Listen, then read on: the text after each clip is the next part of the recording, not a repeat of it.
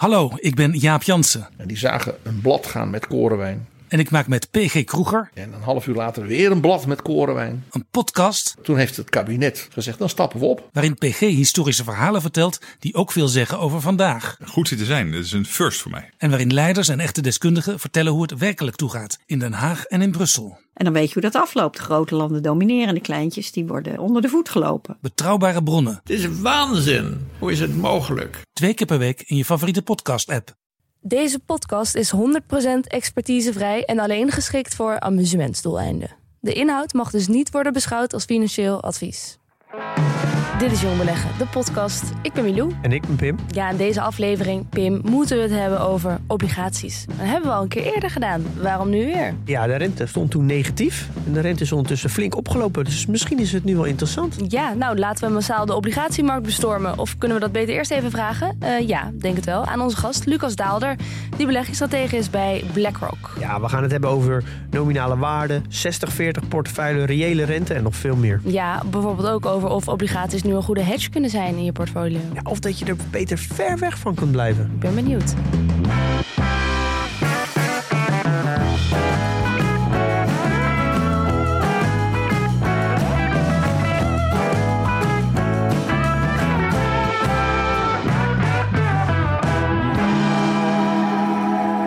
Leuk dat je er bent, Lucas. Dank je. Ook bekend van de podcast Daalder Denkt Hardop. Ja, elke week. Klinkende titel, elke week. En dan denk jij inderdaad gewoon hardop over uh, nou ja, het nieuws van de financiële markt. Hè? Ja, ja, het is misschien niet voor de jonge belegger, maar misschien een beetje de belegen belegger. Het is iets meer, uh, ja, ik zou zeggen, een, een tandje hoger. Maar inderdaad, alles wat in de financiële markt speelt, komt langs in die podcast. Nou, kijk ik even Pim aan. Ja, ik luister regelmatig. Je hebt een keer een aflevering gemaakt over waarom de aandelenmarkt 7, 8 procent per jaar kan groeien. Maar de economische groei maar 3 tot 4 procent. En daar gaf je een uitleg over. Kan je dat nog eens uitleggen? nog een keer proberen om uit te leggen. Ja, nou ja, eigenlijk is het heel simpel. We beginnen met een wereld waar gewoon geen groei is. Dus geen BBP-groei, geen winstgroei. Alles is, staat vast. Uh, elk jaar maakt een bedrijf winst.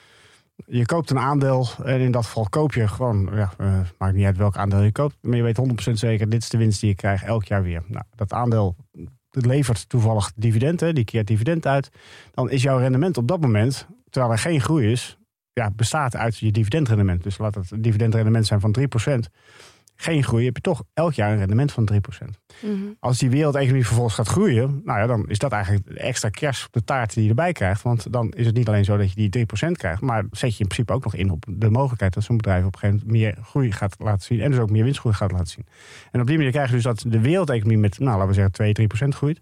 Terwijl die aandelenrendementen uh, elk jaar hoger liggen. Ik denk dat heel veel mensen hebben die vraag van hoe kan nou de, de beurs altijd zo hard groeien als de economie niet zo hard groeit. Ja, ja. Nou ja, dat betekent dus zelfs als de economie dus helemaal niet groeit, je nog steeds een goed rendement kan halen op de beurs. Hangt ja. natuurlijk wel af van welk aandeel je koopt. En kijk, een puur statische wereld bestaat uiteraard nooit. Dus uh, ook bedrijven in een statische wereld die kunnen met elkaar concurreren. En daar kan er natuurlijk op een gegeven moment eentje omvallen. Dus je moet wel het juiste aandeel hebben gekocht.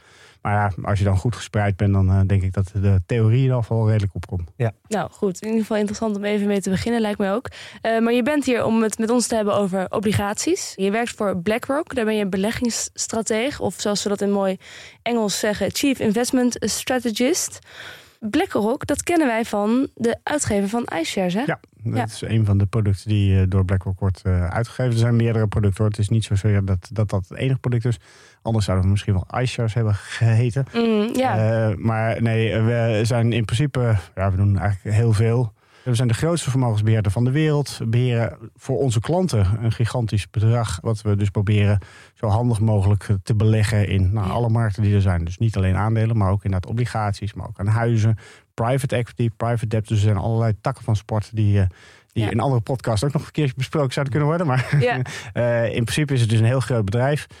Uh, Jij bent een beetje het gezicht uh, ervan in Nederland. In Nederland, ja. Dus ja. ik ben inderdaad de, ja, de woordvoerders misschien overdreven, maar ik ben wel degene die de, de visies van BlackRock, die verwoord ik naar, uh, naar het publiek toe. Ja. En nou ja, vandaag de visie van eh, BlackRock dan, of misschien wel van jou persoonlijk op eh, obligaties. Ik weet nog heel goed dat wij ongeveer drie jaar geleden, Pim, hebben wij het erover gehad. 25. Aflevering 25.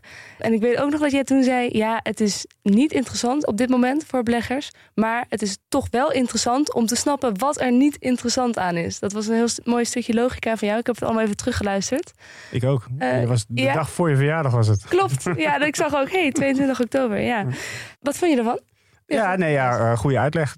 Je kan er nog eindeloos veel langer over doorgaan. Hè? Dus daarom is denk ik deze update denk ik niet, niet onaardig. Uh-huh. Maar het gaf een goed beeld van wat obligaties zijn. Maar ja, ik weet niet of het de bedoeling is dat iedereen verwezen wordt naar aflevering 25. Of dat we het gewoon nog een keer... Nou, we, Zo. kunnen, Ja. we gaan wel even de vogelvlucht nog wel even behandelen. Ik denk dat 25 wel goed is om nog even te luisteren, Ja. de basis. Ja, maar misschien is het ook goed als jij even uitlegt waarom het toen niet interessant was. En dat we dan kunnen hebben daarna over waarom het nu misschien wel interessant is geworden. Ja, nou dat was in 2020. Trouwens, voor excuses voor iedereen die die aflevering terugluistert. Want het, eh, we zijn aardig gegroeid qua niveau. eh, slechte kwaliteit, geluid ook. Eh, we zijn gegroeid. De rente stond volgens mij eh, min een half procent Ja. op dat moment. Dat was eigenlijk de basisreden waarom obligaties niet zo interessant zijn. Maar nu is de rente, ja, zeg even, naar eh, 4% gegaan. In Amerika zelfs hoger. Dus ja, dan is het dat is gewoon heel ander, Ja. andere omstandigheden. Dus dan zijn obligaties in één keer interessant. Helemaal omdat er wordt verwacht, eh, zover ik dat begrijp, dat de rente wel een beetje op zijn einde is qua verhoging. Ja. Dus dat zijn dan ook eh, de ideale momenten volgens mij om eh, Ja. iets met obligaties te willen doen. Dus dat was eigenlijk de Ja. reden. En Maar het idee erachter was toen van, ja, het is wel goed om hier deze kennis te hebben, zodat als er een moment komt dat het wel interessant dat je in ieder geval wel weet wat het is. Ja, want, want Lucas, kun jij ons nog even in een soort van vogelvlucht uitleggen waarom eh, die rente zo belangrijk is voor of obligaties rendabel zijn of interessant om in te beleggen of niet? Nou, je eh, rendement als je een obligatie koopt, over het algemeen wordt bepaald door die rente. Dus de coupon die op de obligatie staat, is voor een belangrijk deel, niet totaal, maar is voor een belangrijk deel de bepalende factor van wat je rendement aan het einde van de rit zal zijn. Dus als er op de obligatie die je koopt een, eh, een rente van nul staat, wat dus twee jaar geleden het geval was, ja, dan weet je eigenlijk vrij zeker dat je ook niet heel veel rendement gaat krijgen, namelijk nul. En je hebt ook geen enkele compensatie voor inflatie. Hè? Dus het enige wat je krijgt is die rente. En je zit eigenlijk eh, te wachten tot je aan het einde van de rit je geld weer terugkrijgt. Ja, nou, dat betekent dus dat als je inderdaad met een lage rente begint, dat je rendement per, per definitie nooit hoog zal zijn. Ja. En bij een hogere rente ligt dat natuurlijk beter. Maar mag ik even één andere vraag stellen? Want het is wel een interessant weetje die ik ook altijd eh, bij pubquizzes gebruik. Als ik jullie nou vraag, welke markt denken jullie dat groter is? Wereldwijd, aandelen of obligaties? Ja, dat is obligaties by far. Echt in een grotere factor. Ik zou zeggen van ja, er zijn zoveel bedrijven, zoveel aandelen. Laat ik dan aandelen zeggen. Ja, nou, als je de market cap van 2022 erbij pakt, is het ongeveer 50-50, niet helemaal. Aandelen waren 62.000 eh, miljard, dus eh, 62 biljoen. Obligaties 68 biljoen. Dus een soort of mix-mix. Dus, Ja.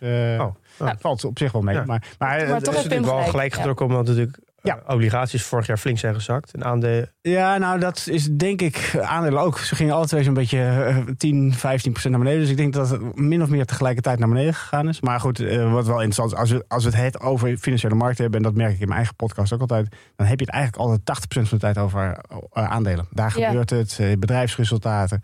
En als je erover nadenkt, ja, obligaties zijn minstens zo belangrijk als de, de aandelenmarkt. En we hebben het er inderdaad heel weinig over. Nou, dat realiseerde me ook tijdens het voorbereiden van deze podcast. Dat we, we hebben zo'n 150 afleveringen gemaakt over aandelen. Ja. Dit is de tweede over obligatie. De obligatiemarkt is super groot en ook best complex. Ja. Eigenlijk is, klopt die verhouding totaal niet. Nee. Ja, maar dat denk ik ook wel mee te maken heeft dat obligaties voornamelijk voor particuliere beleggers gewoon niet zo heel interessant zijn. En dat Nee. vooral de pensioenfondsen en zo erin zitten. Ja, niet interessant en misschien ook wat eh, ingewikkeld. Nou, niet, het is niet ingewikkeld, eh, maar het is versnipperd. En, en dat is denk ik wel, als je kijkt naar obligaties, eh, wat is het verschil tussen... Nou, laat ik eerst beginnen. Wat is een obligatie? Dus ik haal nu eventjes de echte basis. Het is Ja. eigenlijk een lening.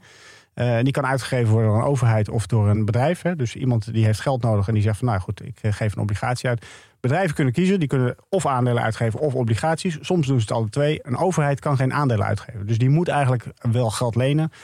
Die is te groot om dat bij een bank te doen. Dus die doet het eigenlijk standaard via obligaties. Dus eh, overheden die financieren zich grotendeels door het uitgeven van obligaties. Ja. Nou, groot verschil tussen obligaties en aandelen is... een aandeel geef je uit. Er is er één van. Hè? Dus een, mijn Apple share die kan ik aan jou geven. Dat is dezelfde Apple aandeel. Terwijl van obligaties, dus als je de Nederlandse overheid neemt... die heeft niet één obligatie. Nee, die heeft wel tientallen eh, verschillende obligaties. Ja. Dus die geeft elk jaar geeft die weer nieuwe obligaties. En waarom, waarom hebben ze er niet één? Hè? Waarom doe je niet gewoon één obligatie? Dat zou eventueel kunnen. Eh, dat doe je omdat je eigenlijk bij obligaties is de looptijd ligt vast. Dus Mhm. je weet, eh, ik geef een obligatie uit. Ik beloof dat ik elk jaar een rente, een coupon ga betalen. En na de afloop, dat is meestal tien jaar, betaal ik die obligatie terug. Ja. Nou, dat is prima. Behalve dan dat een jaar later is die tienjarige obligatie, is er nog een negenjarige obligatie. En nog een jaar later heb je acht. En elke keer geef je weer nieuw uit. Dus je hebt niet één obligatie. Nee, je hebt gewoon eh, een, een reeks aan obligaties die allemaal net iets anders zijn. En dat Ja. maakt het dat die markt eigenlijk anders dan die aandelenmarkt, waar je één aandeel hebt, is heel versnipperd. Dus als ik zeg van doe mij een aandeel en ik noem de naam, dan weet ik wat ik krijg. Doe mij een obligatie en ik noem de naam.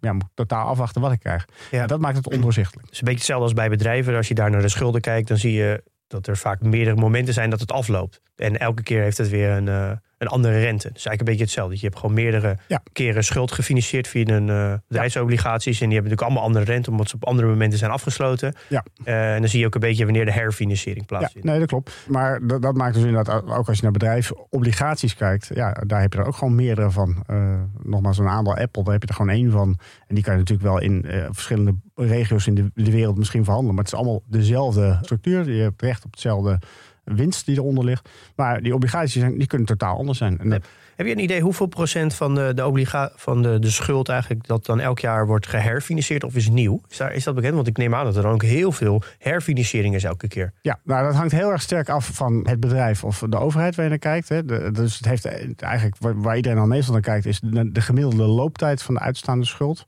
En dat verschilt heel sterk per land. Dus als je bijvoorbeeld Engeland neemt, die geeft een 30-jarige obligatie uit. Nou ja, de kans dat die ooit weer een keertje geherfinancierd... Ja, je moet 30 jaar wachten voordat die weer geherfinancierd moet worden. Dus dat, dat duurt veel langer. Eh, terwijl Amerika bijvoorbeeld de laatste tijd... zie je dat ze juist veel korter eh, aan het financieren zijn. Eh, dus dan betekent het eigenlijk dat een groter deel van je... elk jaar van je schuld eh geherfinancierd... Dus het is niet een vast bedrag wat je voor iedereen kan, kan stellen. Als ik moet schatten, dat ligt ergens tussen de, de nou, laten we zeggen, eh 8 en 15 procent. Dat Ja. zou een ruwe schatting zijn. Want dat is het. De 9 van de 10 keer wordt schuld natuurlijk gewoon doorgerold Ja. eigenlijk. Het wordt, Ja. Schulden worden niet echt afgelost. Nee, nou ja, degene die de obligatie heeft, die krijgt geld terug. Maar om dat te financieren wordt er een nieuwe obligatie uitgegeven. Waardoor, eh, Dus ja, eh, de individuele belegger krijgt zijn geld wel. Maar de uitgevende instantie, dus de overheid of het bedrijf, eh, daar verandert eigenlijk niks. Ja, technisch eh, blijft de schuld in dat geval hetzelfde. Ja, dus eh, zo blijven we allemaal lekker bezig. Ja. Wordt het en dat is ook wel weer een wezenlijk onderdeel. Verschil tussen aandelen en obligaties. Bij aandelen, als je het koopt, moet je op een gegeven moment denken: van, nou ja, wanneer ga ik het weer verkopen? Oh ja, tenzij je denkt van ik, ik verkoop het nooit. Hè, hold on for dear life. Maar je hebt op een gegeven moment dat je denkt: van, nou, nu is het wel mooi geweest, nu ga ik verkopen. Bij obligaties. Ja, zelfs als je niks doet, op een gegeven moment wordt dat ding voor jou, ja, loopt die af eh, en is hij dus eigenlijk verkocht. Dus dan krijg je opeens weer geld op je bank. Dus bij aandelen kan je eigenlijk heel passief denken, nou ik stap in en ik kijk over 100 jaar nog wel, als ik, of ik dan nog leef, of ik dat eh, nog de moeite waard vind.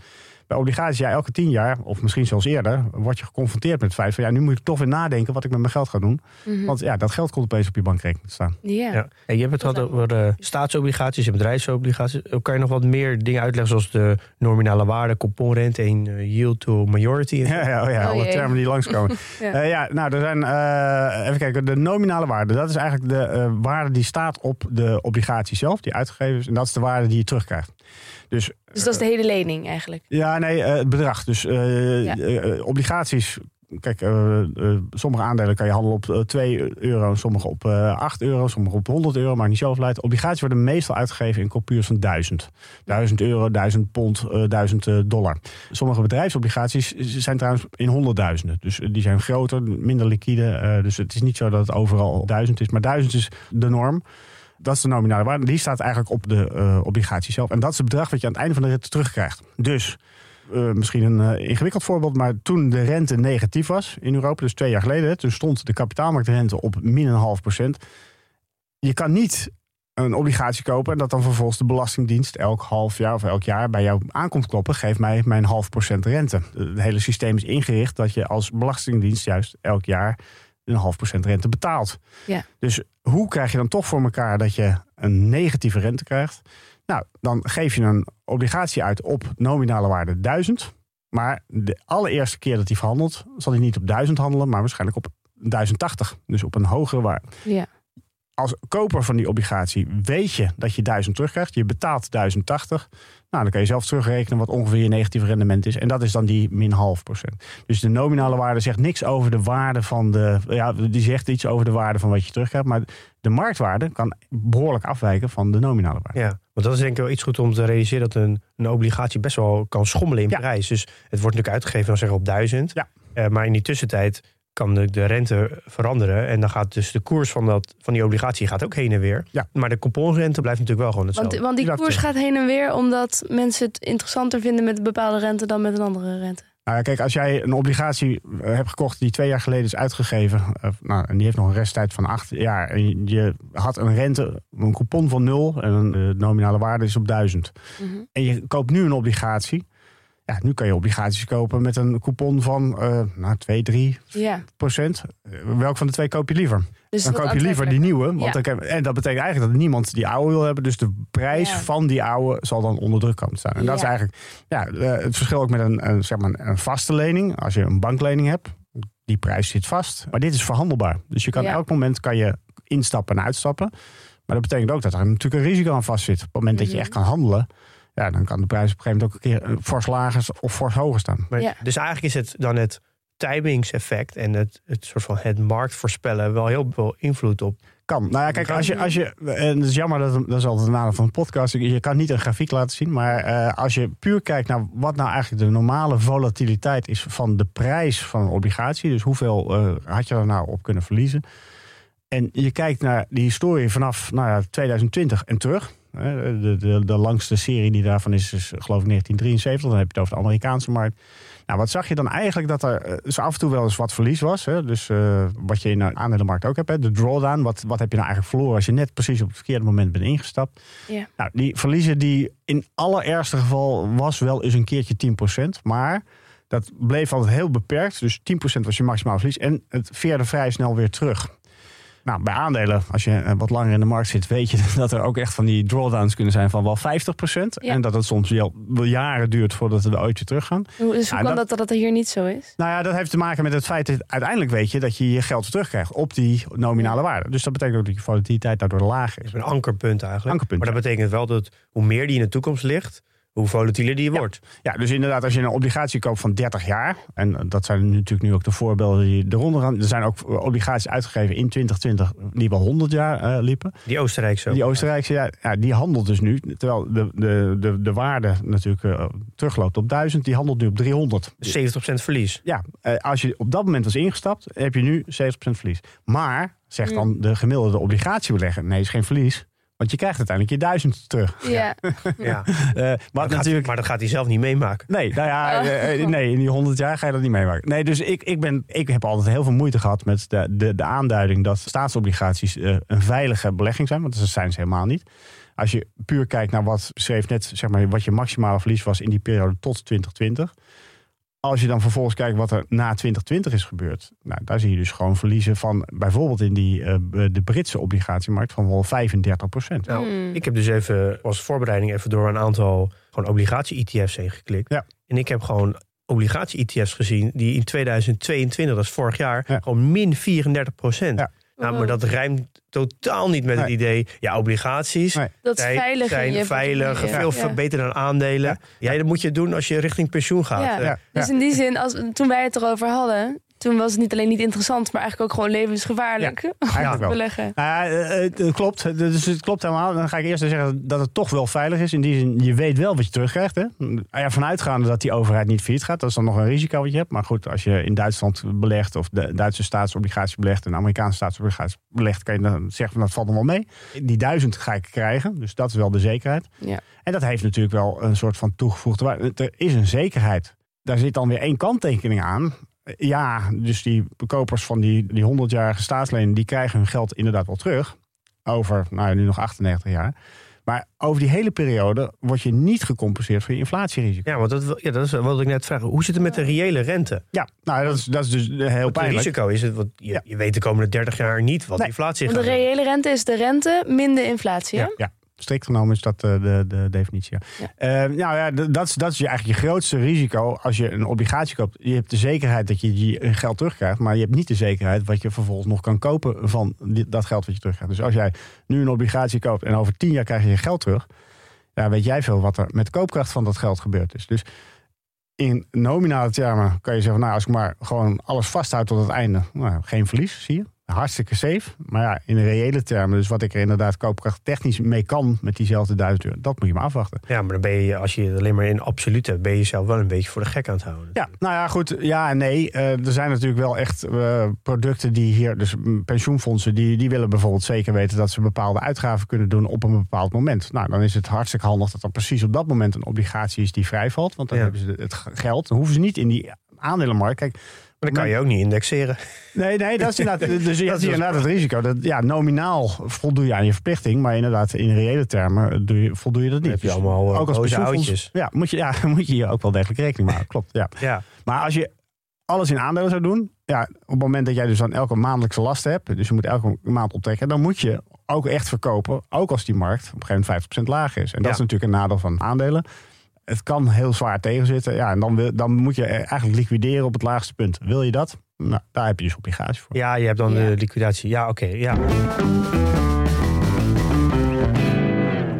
Wat is nou echt een goede reden dan om obligaties te kopen? We hebben natuurlijk, ja, als je richting je pensioen gaat, maar voor zeg, als je nog eh, meer dan eh, 15, 20 jaar te gaan hebt. Ja. Want ik kan niet echt voor mezelf een goede case bouwen dat ik zeg, ja, dit is interessant. Nee, dat ben ik mee eens. Dus, en dan- kan je eigenlijk ook wel, eh of althans, ben ik mee eens. Er zijn, er zijn redenen. Maar laat ik dan eerst even beginnen. Wat krijg je nou eigenlijk voor een obligatie? Dus eh, als je het hebt over eh, wat voor rendement kan je nou eigenlijk verwachten als je in obligaties belegt. Heb je altijd een hele mooie overzicht van Dimson, Mars en Staunton. Die hebben een gigantische database.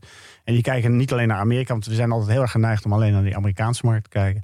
Maar die hebben voor, nou, ik geloof, 20 eh, geïndustrialiseerde landen de rendementen bekeken van wat je nou eigenlijk verdient als je in aandelen belegt. En wat je dan in obligaties belegt. Hmm. Nou, en dan ook nog eens in reële termen. Dat is een hele tabel. Je kan ook in de nominale termen zien, maar in reële termen. Nou, een reële rendement mediaan, dus niet alleen van Amerika, maar gewoon de hele wereld. Het jaarlijkse rendement was dan 4,4% in reële termen. Hartstikke mooi. Dat is wel Ja. netjes. Nou, netjes, ja.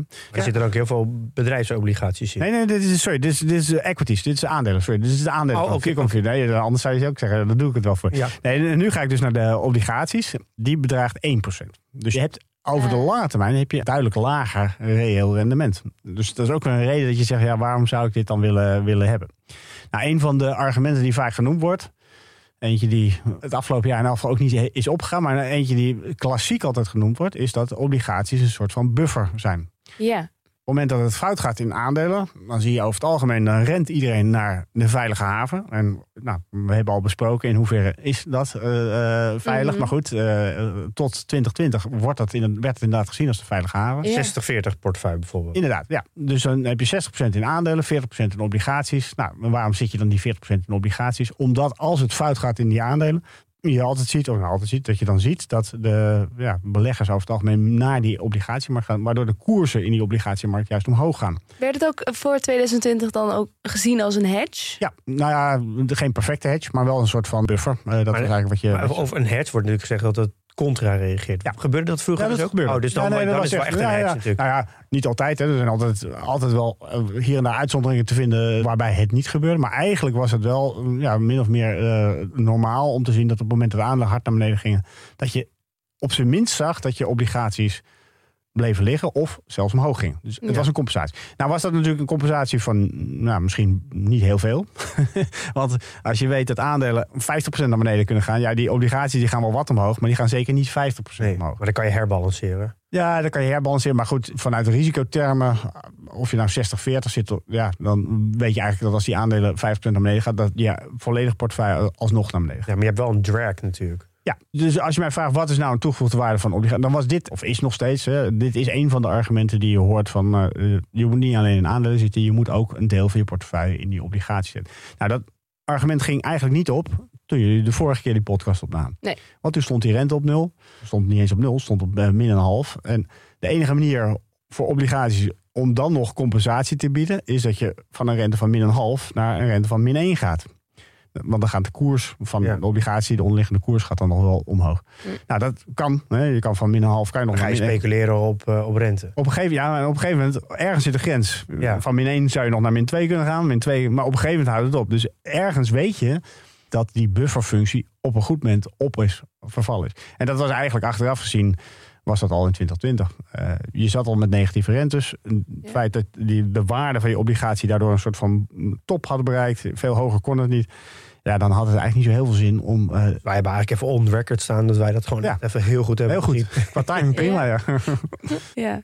Nou, ik heb toen ook gezegd dat ik wel misschien op termijn dan, als de omstandigheden zouden veranderen, dat obligaties voor mij misschien wel interessant zouden zijn.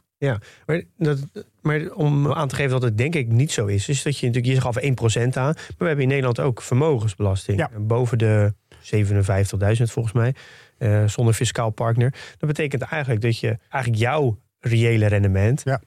in de min is. Dus dan heeft het, ik vind als je bijvoorbeeld weet dat je gaat verliezen, dan doe je niet aan risicomanagement, dan is gewoon dom. Maar dit, is- dit is een beetje, eh, want het reële rendement is natuurlijk langjarig in reële termen, eh, verschillende markten.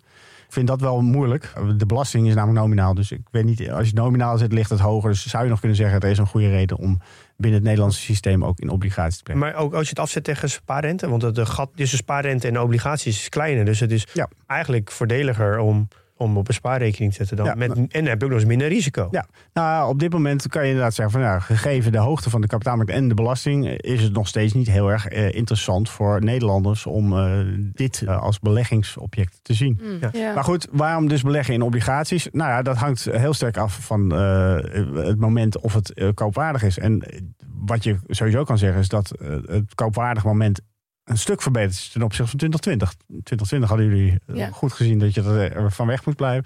Op een goed moment begint het interessant te worden. Dus, eh, en of dat nou al bij deze renteniveau is, dat moet je natuurlijk afvragen. Nu- Je zou nu eventueel nog het voordeel kunnen hebben dat je hebt nu best wel een, een redelijke coupon. Ja. Eh, maar je hebt hem ook nog eh, eventueel de upside dat als de rente verlaagd wordt, Ja. dat je natuurlijk nog je koers Ja. pakt. Want is daar een regel voor dat bijvoorbeeld 1% eh renteverlaging van de FED of de ECB, hoeveel effect dat dan gaat hebben op jouw koers? Is Ja, daar, is daar nee. een soort van trucje voor? Nee, nee, nee, nee, nee. Kijk, eh, en dat is dan ook weer verwarrend. Je hebt het over de rente, maar er is niet de rente. Je hebt eigenlijk twee rentemarkten. Eén is de, de geldmarktrente. Dat is het terrein waar de centrale banken actief zijn. Dus die bepalen eigenlijk min of meer wat de depositorente is en dergelijke.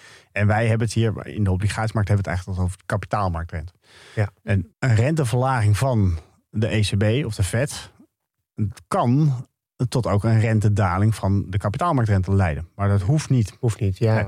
Dus bijvoorbeeld als je denkt van de huidige situatie waarbij de Federal Reserve zegt, nou oké, we zijn klaar, we gaan nu de rente verlagen. Ik verwacht eigenlijk wel hoor dat dan de kapitaalmarktrente naar beneden gaat. Maar tegelijkertijd zie je dat het overheidstekort nog heel groot is. En de centrale banken die kopen geen obligaties meer. Dus het kan best zijn dat daardoor de kapitaalmarktrente, de rentevergoeding die eh, zeg maar geëist wordt in de obligatiemarkt, dat die juist niet naar beneden gaat, maar juist verder door Ja, blijft die prijzen dan een risico in. Ja, eigenlijk. eigenlijk wel. En ook als je nu kijkt naar het verschil tussen de korte rente, dus de tweejarige rente en de tienjarige rente. De tweejarige rente in Amerika ligt op dit moment boven die van de tienjarige rente. Dat is eigenlijk ook heel erg ongewoon. Dat noemen ze dan een inverse Ja, yield een curve. inverse yield curve. Ja, de yield curve, dat is normaal eh, is dat een oplopend patroon. Eh, dus hoe korter de looptijd, hoe lager de rente, hoe, hoe minder onzekerheid. Hè. Dus dan hoef je ook minder eh, onzekerheid eh, vergoeding te krijgen. Mm. Hoe langer de looptijd, hoe meer onzekerheid. Denk bijvoorbeeld aan die inflatie.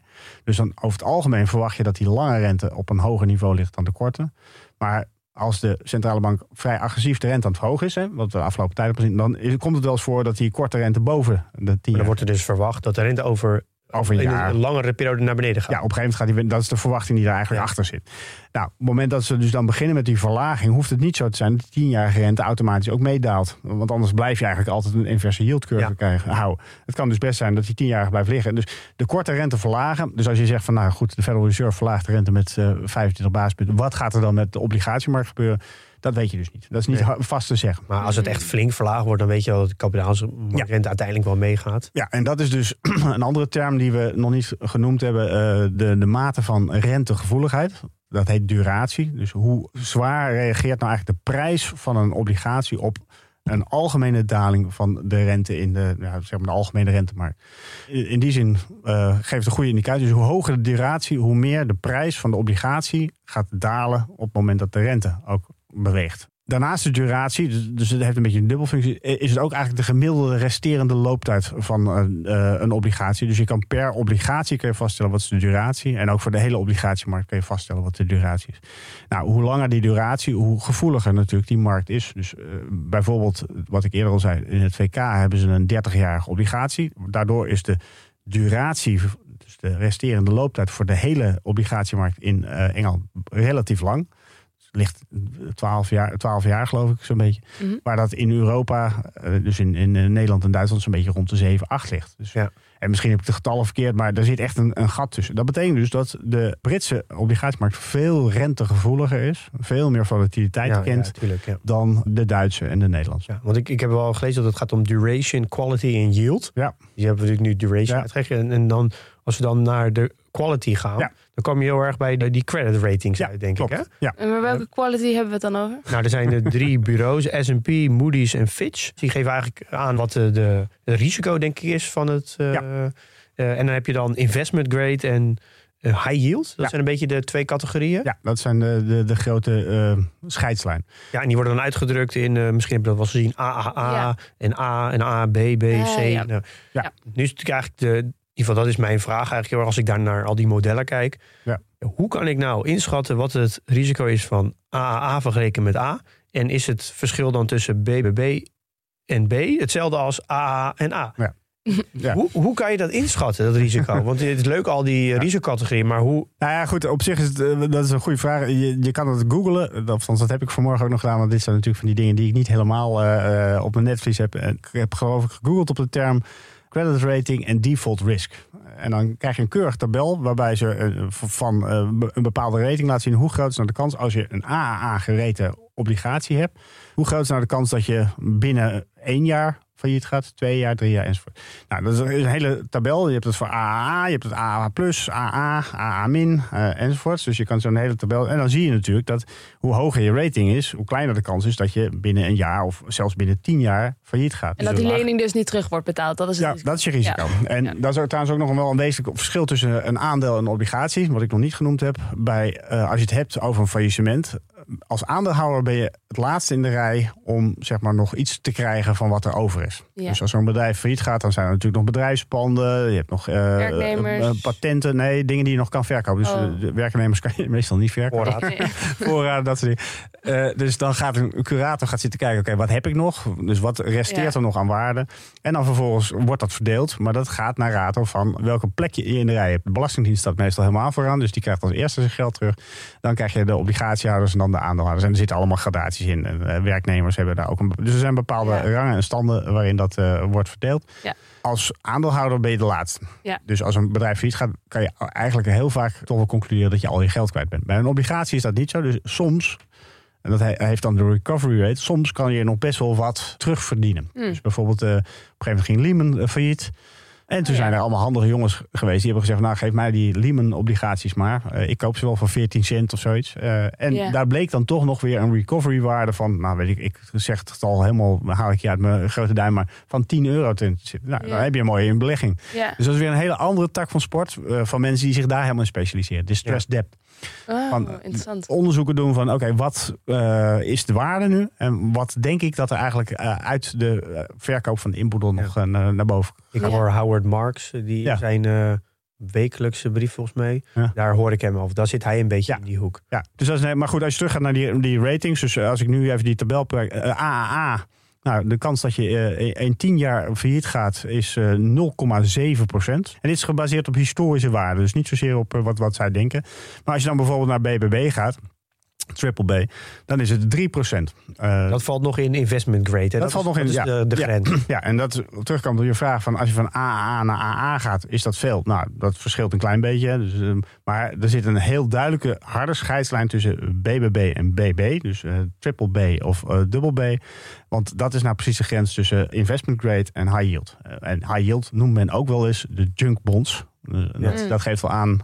Want onder die ja. investment grade, er is eigenlijk een categorie gemaakt waar bijvoorbeeld uh, pensioenfondsen en zo dan in investment grade moeten blijven. Ja. En die mogen dan niet in. Uh, mogen wel een high yield, mag wel. Maar, maar een x-percentage of zo. Ze mogen nou ja, dus net zoals bij aandelen. Je, je, kan niet alles op rood zetten, dus je mag niet 100% in aandelen. Dat, dat klopt. En er, er zit gewoon een, een risicogewicht aan. Eh, je mag best in high yield zitten als je dat wil. Ja, maar dit is eigenlijk, als ik het zo zie, je hebt natuurlijk A, A is heel veilig. En dan ga je helemaal naar beneden naar D, dat is minder veilig. Want je hebt heel veel eh, default. Ja. Maar je krijgt natuurlijk wel een hogere yield voor. Ja, eh, nou, dat hangt er vanaf. Kijk, eh, D, je je wordt- wordt, er, er zit natuurlijk, D is trouwens... Een kapon, een kapon bedoel ik dan, hè? Gewoon kaponrente. Jawel, nee, maar goed, eh, bij, vanaf, vanaf eh, C, eh, de triple C, zit je volgens mij al in de, de fase dat je al problemen hebt met couponbetaling. Ah, oké. Dus dan is het al niet helemaal zeker meer of je überhaupt je inleg terug krijgt. Laat staan je coupon. Dus Ah, bij D is, het- de, D is het geloof ik sowieso eh, stopgezet. Dus, maar goed, de heel specifieke bepalingen ken ik niet. Maar dat is natuurlijk je risico. Je kan wel denken van, nou, waag dat gokje en ik krijg die coupon wel. Maar stel dat, en dat is natuurlijk niet helemaal, een, een bedrijf wat in het probleem is. eh, nou ja, goed, dat handelt natuurlijk niet meer op die nominale waarde. Waarschijnlijk lager. Nou, dan kan je denken van, oeh, eh, als ik die nu koop en terugreken, mijn yield to maturity zal dan 30% zijn. Dat klinkt heel goed. Hè? 30% eh, daar, dat klinkt beter dan een gemiddelde aandelenmarkt. Maar goed, de kans is natuurlijk best aanwezig dat dat bedrijf over een half jaar failliet is. Dus dan is jouw rendement nul. Dus niet, Ja, het is een eh, beetje vergelijkbaar met een hoge eh, aandeel met hoge eh, dividend Ja. yield. Dat klinkt natuurlijk interessant als je dat doorrekent, maar de kans dat ze- dat dividend niet houdbaar is, is dan weer aanzienlijk. Ja, klopt. Maar het, het is dus best lastig om dan in te kunnen schatten als je een eh, AAA, dus triple E eh, staatsobligatie neemt, dan krijg je daar bijvoorbeeld 2% eh couponrente voor. Eh, Of je neemt triple B, dan krijg je bijvoorbeeld 5% voor. Hoe, kan je dat nou goed inschatten? Wat nou, dat vind ik zo lastig. Ja, nou dat is het ook. Eh, vandaar dat het ook echt wel een soort van eh, aparte sport is. Kijk, dat hangt natuurlijk heel sterk af van de, met name de stand van de, de wereldeconomie. Dus op het moment dat jij een, eh, een triple B of een double B koopt, kan helemaal goed gaan. Maar het gaat natuurlijk sneller goed op het moment dat de wind in de zeil is. Dus op het moment dat het economische groei goed is, op het moment dat die rente misschien weer gaat verlagen, eh, op het moment dat eh, er heel veel kas is, iedereen denkt van, oeh, ik, oh, ik vind het wel leuk om eh, zeg maar een fast food delivery service voor gratis te, financieren. Op het moment dat dat soort zaken allemaal spelen, ja, dan lijkt het een hele goede belegging te zijn. Maar ja, dat kan op een gegeven moment natuurlijk keren. Dus eigenlijk is de vraag van, god, hoe gaat de wereld? Dus op het moment dat je een recessie krijgt, zal je al uiteraard zien het aantal fa- faillissementen oplopen. Ja, maar dan ben je wel heel erg macro-economisch bezig. Klopt. Nou, je moet inderdaad wat meer maken. Maar kijk, eh, en wat je dus dan, eh, net zoals bij aandelen, kan doen, wat je het beste kan doen, is natuurlijk dat je dit niet op individuele basis doet, maar dat je het gespreid doet.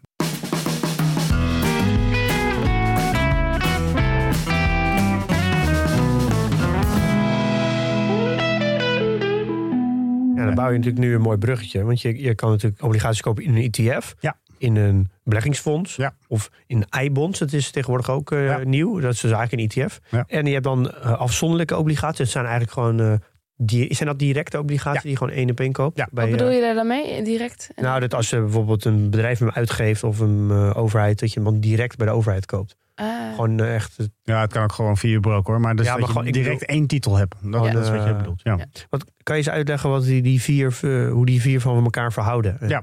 Nou, kijk, Voor- en nadelen. Wat, laat ik dan even één stap terug doen. Net zoals je voor aandelen, je hebt verschillende aandelen. Je hebt voor aandelen heb je de S&P 500 of eh, de MSCI. Gewoon, je hebt een index samensteller die zeg maar zegt, oké, dit is de markt. eh, en dat is zeg maar een beetje de benchmark. Nou, dan kan je dus inderdaad een, een tracker kopen, een iShares of een I- een ETF, eh, die eh, in principe zegt van, oké, ik ga die markt proberen te volgen. Eh, heb je datzelfde ook voor obligaties. Dus je hebt bekend is bijvoorbeeld de Barclays eh, Global Ag Index, eh, Global Aggregate Treasury Index. Maar je hebt ook voor alle, nou, de high yield markt heb je een benchmark. Voor eh, de creditmarkt heb je een benchmark. Je kan ook zeggen van ik wil alleen Europese high yield of juist Amerikaanse eh credits. Daar heb je allemaal benchmarks voor. Nou, op het moment dat je kiest voor zo'n benchmark, dus je kan het of zelf kopen, allemaal zelf doen. Ehm, heel veel tijd, heel veel moeite. Je moet altijd maar afwachten of dat bovendien past met de grootte. Want op het moment dat jij nou, een kleine eh, beleggingsportefeuille en je wil één obligatie kopen, ja, het kost toch vaak wel 1000 euro. Nou, als dat niet past in jouw beleggingsbeleid, ja, dat is natuurlijk een nadeel. Ja. Nou, dus dan vervolgens, als je historisch kijkt, waren er natuurlijk heel veel fondsmanagers die dat gingen aanbieden. Dus die zeiden, oké, de, de benchmark is bekend en ik als belegger ga proberen die benchmark te verslaan. Dus actieve. Eh, zelfs met aandelen ook. ja, precies hetzelfde. Nou, daar kwam, op een gegeven moment kwam daar dus inderdaad de ETF-markt overheen, dus de passieve markt. En die zeiden van, nou ja, we gaan dat niet proberen te verslaan. We gaan proberen het zoveel mogelijk te tracken. Daar zit ook een groot verschil, want een beleggingsfonds die heeft natuurlijk hoge kosten. Ja, hogere en een, kosten. eh, over. Obligatie-ETF's die zijn best wel scherp geprijsd, Ja. zie ik vaak. eh. Over het algemeen wel. Dus dat is inderdaad eh, zeg maar wat het voordeel is van zo'n eh, obligatie-ETF. Er is ook een nadeel van een obligatie-ETF, want je koopt de index. En als je bijvoorbeeld naar een Europese obligatiemarkt gaat kijken, wat bepaalt nou eigenlijk je gewicht in de index? Hoeveel schuld je hebt uitstaan. Dus als jij de Europese obligatie-index koopt, Mhm. koop jij, of je het nou, nou weet of niet, maar koop je relatief veel Italiaanse ja, staatsobligaties. niet zo van Duitsland en Oh. Nederland. Nee, nou, Duitsland is relatief groot. Dus qua economie is die groot. Ja. Maar Nederland zit eh, heel klein erin. Maar Italië, een redelijk grote economie, maar heel veel schuld. Ja, dus je koopt eigenlijk heel veel ja, schuld waarvan je afvraagt: ja, eh, Komt dat ooit goed? wil ik dat? Nou ja, je krijgt ook een hogere rente. Dus eh, Ja. het kan een bewuste keuze zijn. Ja. En dat is dus bijvoorbeeld als je naar de wereldindex kijkt, wat koop je het meest eigenlijk? Ik geloof dat Japan een gewicht heeft iets van 30%. En Japan Omdat ze gewoon heel veel schuld hebben. heel veel schuld, eh 240% van het BBP. En Japan heeft een rente van ja, nog steeds zo'n beetje dat je denkt, ja, hier doe ik het niet voor. Dus als je dus dan passief zegt, oké, ik ga de wereldindex kopen, koop je in principe waarschijnlijk heel veel obligaties waarvan je denkt van ja, dat zou ik zelf niet zo gekozen hebben. Ja. Nou kan je daar ook weer van zeggen, oké, dan neem ik een andere index. Dus ik neem een eh, wereldindex zonder Japan. Eh, dus die zijn er ook wel. Maar dat is dus een nadeel van een, eh, een passieve belegger. Die zegt gewoon, ja, dit is de index, ik koop hem. Eh, blind of het klopt, maakt niet zoveel uit. Dit is wat ik ga, ga proberen te tracken. Terwijl een actieve belegger kan gewoon zeggen: Nou ja, nee, eh, eh, ik ga niet al die Japanse meuk kopen. Ik, ik, Ja. ik spreid een beetje. Ja, dus het is wel heel belangrijk om, als je een obligatie-ETF kopen, om goed te kijken. Ja. maar daar zitten wel hoge kosten aan vast. Hè? Dus je moet wel, eh, dus als je actief koopt, ja, dat is niet gegarandeerd dat een actieve belegger altijd, altijd beter doet dan die Ja, index. of meer dan een, een, een thema-achtige, Ja. of ja, zo'n specifiekere obligatie. Want je hebt natuurlijk ook ongetwijfeld een ETF eh, over eh, alleen maar de AAA en, Vast. Ja. eh, in Europa. Ja. Dus dan zit Nederland erbij, Ja. misschien eh, Zwitserland. En Ja. die heb je ongetwijfeld ook wel. Die heb je vast. Nee, zeker. Dus dan als even terugkomen, je hebt dus de actieve beleggers, de passieve beleggers, eh, de individuele keuze. En dan heb je ook nog zeg maar wat je de laatste tijd ziet. En dat is dat je nu ETF's krijgt op specifieke obligaties.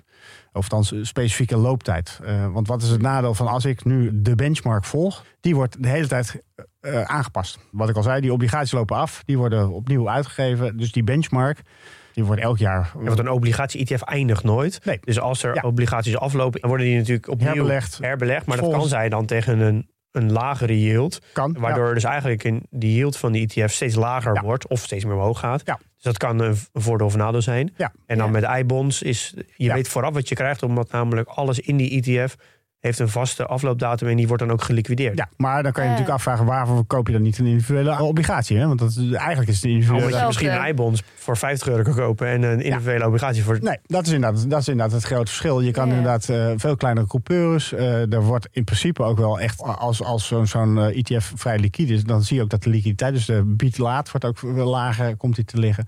Dus wat dat betreft heeft dat op een gegeven moment ook wel echt voordelen om dan op die manier te beleggen. Nou, even een situatie zeggen dat, dat je hem nu voor 5% zou kunnen kopen. En je verwacht dat de rente de komende vijf jaar langzaam gaat zakken. Ja. Dan gaat dus een, als je dus een tienjarige ETF hebt, een obligatie ongeveer 10 jaar gemiddeld, dan wordt dat elk jaar moet een gedeelte her met een nieuwe obligatie worden afgesloten. Dat betekent dat eigenlijk je coupon steeds meer zakt. Ja. Dus dan zou je beter een i-bonds kunnen hebben, want dan weet je zeker dat die alles ook pas echt na 10 jaar afloopt. Dus er wordt niet Ja. eh, nieuwe obligaties ingestopt. Ja. En dan pak je ook echt optimaal mee dat Ja. de rente zakt, want de koers gaat dan omhoog. Ja, nou goed, kijk, dat is de, als je dus even heb eh je teruggaat naar 2000, laten we zeggen 2015, en je had dan de mogelijkheid van, oké, koop ik een echte obligatie, Eh, eh, laten we zeggen een zevenjarige obligatie, of beleg ik in een obligatiefonds. Die zevenjarige obligatie, die liep af in 2022, daar kreeg je gewoon je 100 euro. Dus je wist gewoon, of 1000 euro, je kreeg gewoon je nominale waarde terug. Dus, maar als je belegt dat in dat beleggingsfonds, ja, die is eigenlijk alsmaar aan het herbeleggen geweest. Met als gevolg dat hij ook inderdaad die obligaties gekocht heeft die nog in 2020 zijn uitgegeven op min een half procent, op 2021 van een Ja. 0 procent. Slecht En vervolgens in 2022 zakt die markt. Dus als je, op het moment dat je dan verkoopt, dan verkoop je niet op 1000, dan verkoop je opeens op 85. Of afhankelijk van welke obligatie je gekocht hebt natuurlijk, maar, of welke eh, o- obligatiefonds. Dus dan zie je opeens dat de waarde een stuk lager kan liggen dan waar je mee gerekend had. Dus dat is wel risico. Zeker, De- Ja. dat is je risico. Eh, dus de, ja, dat is een beetje de afweging die je wil. Kijk, als je denkt van, ehm, eh, eh, maakt mij niet uit, ik hoef niet in 2022 of 2023 om geld hebben. Het is voor de lange termijn, zoals pensioenfondsen eigenlijk in elkaar zitten. Dan kan je denken van, nou ja, dat is een tijdelijke correctie, die zit ik wel uit. Ja. Eh, dus dan valt er best wel wat voor te zeggen dat je die benchmark gewoon volgt. Ja. Eh, maar als jij heel specifiek weet van, nou ja, mijn kinderen gaan in 2035 studeren. Ik wil dan wil ik een bepaald bedrag echt onttrekken uit mijn portefeuille. Laat ik dat nou eens doen door nu obligaties te kopen. Nou, dan is het waarschijnlijk beter om dat inderdaad in specifieke obligaties te doen. Want dan weet je ook Ja. echt dat de waarde op dat Ja, want je, je, je kan vooraf heel goed berekenen wat je Ja. dan exact hebt. Ja. En dat heb je natuurlijk niet bij een obligatie-ETF. Dat, ja, Daar zit een risico aan vast. Ja. Het kan ook hoger zijn, hè? Het is niet ja alleen natuurlijk. maar Het kan voor of nadeel Ja, zijn. Ja. ja. Dus, dat- maar dat is ook weer een beetje hoe jij dan, wat Ja. jouw visie is op de hoe markt de markt zich gaat Ja. ontwikkelen. Klopt. God, ze En- maken het wel ingewikkeld. Ja, het is, eh, we hebben het ook helemaal niet gehad over valuta. Nee. Want je kan natuurlijk, eh, de, nou, de rente in Amerika ligt hoger. Dus het is heel verleidelijk om eh, een Amerikaanse obligatie te kopen, zowel staat als... eh, Maar dat is nu, hè? Hij is niet altijd hoger natuurlijk. nee, maar dat is nu. Maar Dat is dan, wel cons- vrij consequent. Ja, de- je moet echt teruggaan naar de jaren 80, zeg ik. Dat het nog wel eens een keertje anders was. Maar de afgelopen 30 jaar ligt eh, Amerika stevast wel boven. Oké, oh, dat is wel interessant om mee te nemen. ja, maar dan koop je het in dollars. Ja. En, en dat betekent dat je het ook ooit weer eens terug moet Ja. Ah. naar euro's. Ja. Dus wat Ja. is daar het risico van? Als je klassieke eh, obligatiebelegger, eh, dat is een wezenlijk verschil tussen aandeelhouders. nou ja, als je, als je zeg maar, kijkt naar aandeelbeleggers en obligatiebeleggers, die zijn, zitten wezenlijk anders in elkaar. Aandeelbelegger die is eigenlijk vooral bezig wat je upside is. Dat kan het niet qua waardering nog omhoog, hoeveel dividend, hoeveel dividendgroei. gaat Ja. allemaal om upside. Obligatiebeleggers die hebben eigenlijk alleen maar oog voor de downside. Want die weten eigenlijk op voorhand wat hun rendement zal zijn. Hè. Je weet de coupon, eh, je weet ik krijg mijn 1000 euro weer terug. Maar het enige risico wat ze hebben is dat er tussentijds iets gebeurt met het bedrijf. Of misschien zelfs de overheid. Want zelfs overheden kunnen failliet gaan. Hè. Dan Vergeet dat niet, niet in Europa recentelijk gebeurd. Maar Ja. een overheid kan op een gegeven moment zeggen... Ja, ik kan niet meer betalen. Ja, je weet niet 100% zeker of je die, die 1000 euro terug... als een overheid of een bedrijf failliet gaat. Dus obligatiebeleggers zijn altijd veel meer gericht op wat zijn mijn risico's. Dus het geeft ook inderdaad wel een andere bril. Het is niet voor niks dat eh, die aandelenbeleggers altijd de roze bril op hebben. En Die Ja. zien altijd, nou ja, dat kan nog allemaal beter omhoog. Obligatiebeleggers zijn een beetje zure, Ja, mistroostige mensen. Ja, ah, zuur mistroostig wil ik, niet, wil ik niet zeggen. Maar die zijn zich gewoon beter bewust van de risico's. En dat, eh, ik ben al- analist geweest en dat merkte ik ook echt wel altijd dat ik dat bij een conference call zat van een bepaald bedrijf. Dan kreeg je vragen van aandelenanalisten. Nou, prima vragen. Precies de vragen die ik zou stellen. En dan kreeg je vragen van obligatieanalisten. En dan dacht je, waar hebben ze het in godsnaam en dan ging je dat een beetje uit zitten zoeken. En dan dacht je, shit, ja, dat is toch wel heel erg verstandig dat ze hier ook nog even over nadenken. Ja, want dit is een risico waar ik geen rekening mee Het hou. zijn eigenlijk de realisten. Die het, Nou ja, eh, ja. In elk geval, eh, kijk, of het uitkomt, weet je niet. Maar het zijn Nee. wel mensen die dus zich veel meer bewust zijn van dat er ook risico's perspectief Ja, ander perspectief. ja, ja. Eh, maar goed, dat was niet de vraag. de vraag was, wat, wat eh, houdt dat in voor wisselkoers? Omdat je die obligatiebeleggers veel meer op zekerheid zitten. Die willen gewoon weten, oké, dit is wat ik heb en dit is wat ik krijg. En wat zijn mijn risico's? Hebben ze mm, over het algemeen broertje dood aan het kopen van Amerikaanse staatsobligaties. Want je hebt een wisselkoersrisico. Dus je neemt een extra risico door je valuta. En daar hebben ze Ja. geen zin in. Nee, eh, je wil juist die zekerheid hebben. Je wil zeker weten dat jij eh, in 2045 eh, een x-bedrag krijgt om aan je gepensioneerde deelnemers uit te keren. Ja, op het moment dat die dollar in die tussenliggende 20 jaar, eh, gehalveerd is, ja, dat betekent dat jij de helft krijgt van wat je eigenlijk had gewild. En dat is een risico waarvan je denkt, ja, dat, dat wilde ik niet. Ik wilde Ja. die obligaties omdat ik zekerheid heb had. je wel mooi je coupon gepakt. Alleen door, om het weer terug te brengen naar euro's heb je uiteindelijk verloren. Ja. Dus, Ja. En dat is natuurlijk het grote probleem. Eh, en nou is dat niet zo dat alle obligatiebeleggers dat niet doen. Hè. Dus eh, bijvoorbeeld als je denkt aan opkomende markten. eh, opkomende markten schuld. Daar is men zich heel bewust van dit wisselkoersrisico. En accepteert men het ook. Hè. Dus men, je kan dan kiezen van koop ik inderdaad lokale obligaties in lokale currencies. Of koop ik obligaties in die luiden in euro's en dollars. Dus dat zijn de twee mogelijkheden die je hebt. Eh, die maken zich wel degelijk, zijn zich bewust van die risico's en die accepteren ze ook. Maar over het algemeen zie je dat obligatiebeleggers dat wisselkoersrisico niet willen. En dus ook inderdaad zeggen van nou ja, dus houd de grens op bij mijn eigen eh, wisselkoers. Dus eurobeleggers, de meeste Europese pensioenfondsen, Nederlandse pensioenfondsen beleggen eigenlijk alleen maar in euro. Ja. Eh, Of in, in IMD, dus dat zijn de opkomende markten eh, Het is obligaties. eigenlijk wel goed dat we niet eh, meer de gulden hebben dan. Eh Ja, nou ja, markt wel heel klein. Wim, wat denk jij? Ben je enthousiast geworden? nou, nog niet. eh, ik, heb- nou, misschien eentje, dat, dat is misschien wel interessant. Zijn er inflatie-gelinkte obligaties? die zijn er. Want dat zou dan wel interessant zijn. Want wat betekent dat dan? Nou, dat als de inflatie 10% is, dat jij daarop wordt gecompenseerd. Ja, die zijn er. En eh, op zich, als je eh, naar, eh, om dan gelijk positieve nieuws maar te, pakken. die reële rente, dus dat zijn in, inderdaad inflation-linked bonds. Dan kan je gewoon zien wat nou eigenlijk de reële rente is waar tegen je kan handelen. Dus je kan dan zeggen, nou oké, ik zet met nu mijn, mijn belegging vast voor een periode van 10 jaar. Wat voor reëel rendement hou ik aan, aan het einde van de rit hou ik het aan over. Nou, als je dat twee jaar geleden had bekeken, dan zat je op min 1, min 2 procent. Dus echt gewoon dat je zegt van ja, uh, oké, dus ik weet van tevoren dat ik 1 procent moet gaan inleveren. Dan moet je het meer zien van oké, ik moet mijn geld ergens stallen, dus laat ik het daar maar doen. Dat is veilig, want ik heb geen inflatierisico en ik heb niet een risico dat een, een bedrijf omvalt, want het, het zijn allemaal overheidspapieren dit. Inmiddels is die in Amerika, dankzij die ontwikkeling van zowel de kapitaalmarktrente als de verwachte inflatie, is die opgelopen tot 2,3 procent. Positief. Maar dat, dan, daar snap ik nog wel. Dat Dan weet je zeker dat je elk jaar ja. een 2,3 procent koopkracht groei hebt. Ja. Klopt. Dat is natuurlijk een heel ander verhaal. Nou ja, en als je dat dan vergelijkt met die eerdere 1% die ik noemde, dus uh, gemiddeld ja. op de lange termijn ja. krijg je 1%. Nou, nu kan je dus in Amerika kan je 2,3% kan je gewoon inlokken. En heb je dan ook nog je upside als uh, de, nee. nee. dat is dus eigenlijk. Maar dit is dan helemaal uh, ja. een soort van uh, dit is, risicomanagement. Weet je helemaal vooraf waar je aan toe bent. Dit is eigenlijk zo risicovrij als je het kan krijgen, met als enige risico dat de Amerikaanse overheid omvalt. Ja. Wat niet 100% uit, nee. uitsluiten nee, valt, okay. maar dit, het risico is relatief beperkt. Ja, maar als er dus weinig koersbewegingen zit, betekent, of niet, betekent ook dat het dus als nou ja, ook een dit, onderdeel van je portefeuille ook wel dempend kan zijn. Ook dit is een, hand, een product dat verhandeld is, hè, dus je zal dit wel fluctueren. Maar hiervan kan je echt gewoon zeggen: van, Nou ja, het boeit me niet, ik ga hier niet meer naar kijken. Ja. Ik zet gewoon 10% van mijn portefeuille zet ik in deze producten. Dan weet ik dat ik daar in afval een ja. vast rendement van 2, helaas als je dan naar Europa kijkt, want die Europese markt heb je ook, ligt het in Europa op 0,3 Ja, net weer. niet de moeite waard. Ja, je hebt natuurlijk tegenwoordig kan je met uh, bij best wel veel Europese banken, of in ieder geval plekken waar je spaargeld kan neerzetten, toch wel zo'n 3 procent, soms zelfs 4 met, met lagere bedragen. Ja. Dus ja, dat is dan dus val je onder het garantiestelsel van ja. 100.000 euro voor de meeste particuliere beleggers. Ja. ja, dan denk ik ja waarom zou je moeilijk zitten doen? Nee, nou goed, kijk, de, de, reden waarom je obligaties op dit moment zou willen kopen, is A, dat je denkt van nou, dit is, deze rendementen zijn wel oké, okay, dus ik heb er wel vrede mee.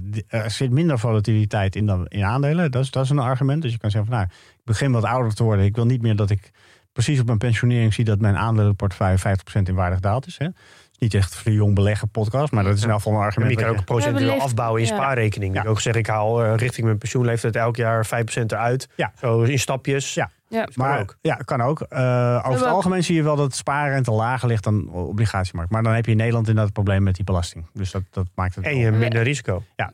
Een tweede reden waarom je juist nu kan zeggen: ja, maar nou vind ik het wel interessant, is dat je inderdaad verwacht dat de algemene rente gaat dalen. Waarmee dus de koersen van obligaties ja. uh, omhoog gaan. Dat heb je natuurlijk niet spaarrente. Je hebt geen upside nee, in je koers. Helemaal niks. Je hebt gewoon alleen je spaarrente die je hebt. Uh, en dan moet je maar afwachten. Nou, dat, dat, dat krijg je. Terwijl bij die obligaties kan je koerswinst krijgen. Ook koersverlies. Maar dan doe je wel macro-economische ja. play. Doe je dan. Ja. Dat is wel goed om dan te realiseren. Zeker. Dan moet je daar wel een, een scenario hebben op de rente. Zeker. Ja, wat het natuurlijk wel weer moeilijker maar, maar dat, dat is precies wat mijn werk is. Dus dat vind ik dan. Ja, maar dat is wel goed. Het is goed als je dan als je dan dit doet, dat je wel weet waarom ja. je dat doet en wat voorspel je speelt. Zeker. Ja, want dan moet je dus rente gaan voorspellen eigenlijk een beetje. Nou, je, doet een uit, je doet een aanname over wat de ontwikkeling van de rente is. Ja, ja. Wat, wat die gaat doen. Precies. En dan heb je het over de algemene rentemarkt. Dus niet zozeer uh, het ECB-beleid, maar ook inderdaad wat de kapitaalmarktrente gaat doen. En laat hij zich een beetje goed voorspellen? Nou nee, uh, dat nee. is de nee, nee daar zijn altijd hele mooie uh, grafieken van, van ook wat de markt altijd verwacht ten aanzien van of de kapitaalmarktrente of de beleidsrente. Ja. En dat zijn altijd van die die waaiers waarbij je ziet dat de verwachting altijd afwijkt van hetgeen wat uiteindelijk uitkomt. Dus op het moment dat die laag is, verwachten we eigenlijk altijd standaard dat die omhoog gaat. Gebeurde jaren niet. En als je nu heel erg omhoog schiet, verwachten we eigenlijk standaard dat die weer naar beneden gaat. Ja. Ja, je moet maar afwachten of dat gaat gebeuren. Maar, maar zijn er interessante statistieken te vinden die over of er historisch een, een, een allocatie van 30, 70 of 60, 40 of zo, of dat een positief rendement heeft gehad? Nou, kijk, met gewoon 100% in aandelen. Ja, de 60-40 is natuurlijk de meest bekende. Hè? Dus uh, 40, 60, uh, 40% in obligaties, 60% in uh, aandelen. Dat is niet gebaseerd op, op uh, keiharde analyses. Dus het had net zo goed 30-70 kunnen zijn. Of, uh, Hmm. mm. of, maar is er, is er in een soort van backtest een, een, een, een lange periode geweest dat het nou, beter was om dan 40% obligaties te zitten of 30? Of in ieder geval gewoon überhaupt obligaties versus gewoon alleen maar een brede index. Ah, die, kijk, die 40-60, het voordeel van de 40-60 is dat je inderdaad een, een, deel van je volatiliteit van je exposure naar aandelen weghaalt. Dus uh, als je de 40-60 portefeuille vergelijkt met de 100% aandelen, dan zie je dat die aandelen natuurlijk veel volatieler zijn. Eh, dus die, Ja. die 50% Als je drawdowns... belegt voor je pensioen, je hoeft het de komende 30 jaar niet uit te halen. Dan Nee. is volatiliteit natuurlijk eerder kans dan een Ja, risico. nou ja, mee eens. Maar goed, dat hangt wel ook een beetje vanaf. eh, dan ga je er wel vanuit dat, en dat is tot nu toe natuurlijk altijd zo geweest, dat de koersen van, eh, als je een grafiek hebt, van links onder naar rechts boven gaan. Eh, we hebben eh, natuurlijk ook wel voorbeelden van bijvoorbeeld Japan, waarbij het de hele tijd van linksboven naar rechtsonder ging. Ja. Ja. En dan, dan kan je natuurlijk afvragen, eh, achteraf gezien, had je dan waarschijnlijk betere rendementen gehad in obligaties. Maar goed, ook dit is weer een macro-call. Van, eh, dus Ja. Ja, maar dan schrijf je het nu over één specifiek land en niet over de wereld. Ja, nou, er zijn wel meer voorbeelden hoor. Maar dus het is niet. We, zijn heel erg sterk geneigd om altijd heel erg naar Amerika te kijken. Amerika doet het heel goed. Maar bijvoorbeeld sinds 2010 tot nu heb je in Amerika een, eh, een rendement van 12% ongeveer gehad, jaarlijks. Maar in het VK is dat eh, iets van 6% geweest. Eh, dus ook daarvan kan je zeggen, nou ja goed, 6% is nog steeds meer dan wat je in obligaties had verdiend. Ja. Maar eh, het is niet zo dat, wat we, als we, wij kijken allemaal naar de S&P en we zeggen, goh, wat een fantastische rendementen. Ja, er zijn ook echt wel regio's waar dat echt wel een stuk minder is geweest en niet altijd Ja. even... Ik moet heel erg denken aan het boek van de Morgan Housel over de psychologie van beleid. Ja, die zegt heel erg dat je, je hoe je heel erg naar dingen kijkt, is hoe, in welke tijdgeest je bent opgegroeid. Dus Ja. als je bent opgegroeid dat obligaties niks opleverden. En dus de S&P heeft het heel lang goed gedaan. Ja. En die 60-40 portefeuille heeft niet echt gewerkt. Ja. Als je in die periode opgroeit, dan is dat een soort van wat je hele leven vasthoudt en meeneemt. Ja. Dan heb je elke generatie heeft bepaalde dingen die je dan heel belangrijk vindt, omdat Ja. dat in die tijdgeest zat. Ja. Ja. Nou ja, dus, Dus wij groeien eigenlijk een beetje op in de tijd dat obligaties gewoon niet interessant zijn. waardeloos zijn. Ja, en dan zal je zien dat het op een gegeven moment heel goed eh, gaat Ja. renderen. Nou ja, eh, ook hiervan kan je zeggen, als je de, zeg maar, je langere termijn rendementen ziet in obligaties, nou, wat ik al zei, reëel is dat 1% ongeveer. Die 1% is wel voor een groot gedeelte behaald in de periode, laten we zeggen, 1980 tot 2020. Dat was echt een periode waarbij die rendementen in reële termen ook echt hoger lagen dan die 1%. Omdat eh, de rente zakte. De rente zakte en ze begonnen op een niveau van, nou, laten we zeggen, eh, 12, 14, 16 procent. Eh, Ja, het ja, is al heel lang een glijdende schaal. Daarom. Eh, maar goed, eh, dus, dus die 1% kan er ook nog wel misschien vertekend zijn, positief vertekend zijn door die periode die we net achter de rug hebben liggen. Dus eh, dat zou dan eigenlijk betekenen dat je eigenlijk vrede moet hebben met minder dan 1% reëel. Dus ja, dat is ook weer niet echt een, eh, een Ja. buy argument. Milo, Ja, hoe denk jij nu over obligaties? nou, eh, ik kan niet zeggen dat ik het helemaal 100% begrijp. Ik denk dat ik nog wat zelfstudie nodig heb daarvoor. Ik denk wel dat we heel ver zijn gekomen sinds aflevering 25. Eh, dat ik dit wel toch enigszins eh, kan volgen. We zijn gegroeid. Ze zeggen dat je je leeftijd in obligaties moet doen eigenlijk. Hè? Dat was een beetje een ezelsbrugje die je heel vaak las. Ja, maar dat was toen iedereen 60 werd. Ja, Maar ik, ik zou, ik, ja, dat, oh ja, dat is wel een goed punt. Ik, ik zou toch eerder gaan voor meer dan een defensievere houding in een groot gedeelte van je portefeuille op aandelen. Door bijvoorbeeld eh, te gaan denken in meer eh, Ja, kan. eh, aristocrats aandelen. Dus gewoon aandelen die al 50 jaar een dividend verhogen. Ja. Dat je vast dividend hebt, heel stabiel. Die aandelen zijn minder volatiel. Of misschien, eh, nou ja, in ieder geval dat ik Mhm. meer het risicoprofiel voor een groot deel ook zou gaan afbouwen in aandelen. Ja, nou, ik, ik zit, als ik dus naar mijn eigen portefeuille kijk, ik zit alleen in eh, obligaties in eh, het high yield stuk. Dus echt gewoon in het risico. En dan, Oh ja. en dan staats- of eh, Nee, high yield, high yield eh, is over het algemeen, als je het over high yield hebt, heb je het eigenlijk altijd over bedrijfsobligaties. Er zitten hier en daar nog wel, geloof ik, een high yield. eh, Venezuela is geen high yield. Ja, het is wel een high yield, maar die ze worden meestal weer niet opgenomen in een normaal high yield eh, benchmark. Maar goed, En dan altijd euro. eh, nee, dat is wel wereldwijd. Dus daar zit je wel, da- daar loop je echt ook wel een, een valuta risico mee. Maar goed, aan de andere kant, het is dusdanig volatiel dat ik het ook niet zie als een stabiele, veilige Nee, haven. Het is meer een, een, ja, een, eh, zeg maar een alternatief voor eh, eigenlijk een aandelenbelegging. Ja, want ik zag Ja. bijvoorbeeld de high yield eh, corporate bonds in, eh, in dollar. Die genoteerd gewoon 8, 9 procent. En ik denk, ja, in, in Europa is het ongeveer 5 procent, zag ik, 4, 5 procent. dacht ik, ja, het risico dat bedrijven failliet gaan in Europa zie ik, is aanzienlijk groter. In ieder geval, dat is mijn inschatting dan in Amerika. Ja. En je krijgt er ook veel meer voor. Dan heb je natuurlijk wel dollarrisico. Ja. Eh, maar ja als, je, als je niet echt een einddatum hebt, dan is dollarrisico ook niet zo... Op, Nou ja, in ja. niet zo'n groot probleem, want het schommelt Ja. altijd binnen een bandbreedte. Ik doe heel Ja. veel aannames nu, maar als, als ik naar obligaties zou gaan, dan zou ik eerder daar naar kijken. Maar dat komt omdat ik niet op zoek ben naar het afbouwen van mijn risicoprofiel. Nou, mijn conclusie is volgens mij dat we met z'n allen gewoon naar Amerika moeten gaan. Want, eh, dus eh, alles verkopen in Europa en in Amerika gaan wonen. Want ja, als je 2,3% reële rente kan krijgen, dat is al een mooie. Als je Ja. high yield Ja. eh 8, 9% Maar dat kan kan je dat krijgen. ook niet doen. Dat je gewoon aan de hand van de, de, de koers, zoals je met pensioen gaat, waar je dan gaat wonen. Ja, nou ja, dat is, Als het, als het 50% gezakt is, denk je, nou, dan moet ik naar Amerika. Ja, Ja, dag. Ik ga niet naar Amerika hoor. Ik hou van Nederland. Ook al regent het Nou, een en ik weet niet veel. of Amerika tegen die tijd nog bereid is om eh, wacky Nederlanders eh, te accepteren. ja. Dus dat is natuurlijk je risico. Dat je je hele portefeuille op eh, je levensstijl in Amerika hebt ingericht. Maar dat je vervolgens het land in je komt. Nou, misschien is Amerika tegen die tijd ook wel enorm doorgedraaid. Ik bedoel, ze zijn goed op weg. Zeg, ik ga er een eind aan Ja. eh, breien, want de tijd is helaas op. Maar we hebben weer veel geleerd. Ja, ja, ja, ik ook. Het is een heel interessant onderwerp. Ja. Dank Lucas Daalder dat je aan wilde schuiven. Graag gedaan. Pim, jij hebt nog een PDT-update. Ja, we hebben een update gedaan op de prestatiepagina onderaan eh, bij de tabel. Je kan nu je rendementsbijdrage zien. En dat is eigenlijk heel erg leuk. Dus als je bijvoorbeeld eh, year-to-date selecteert, of eh, een jaar of een maand, dan kan je ook zien als je bijvoorbeeld een rendement hebt gehad van 20% in een geselecteerde periode, hoeveel procent welk aandeel heeft bijgedragen aan die 20%. Ja. Dus dan kan je zien dat als een aandeel flink zakt. Bijvoorbeeld eh flow traders heb ik in mijn portefeuille. Die eh, heeft dit jaar een negatief effect op mijn rendement van 1,9 procent. Oké. Eh, dus als ik flow traders niet had gekocht, of flow traders had gewoon gelijk geweest, dan had het 1,9 procent rendement gescheeld. Dus had ik positiever gestaan. Dus dat kan je dus nu zien. Ja. Dus je kan ook heel mooi zien. Confronterend ook.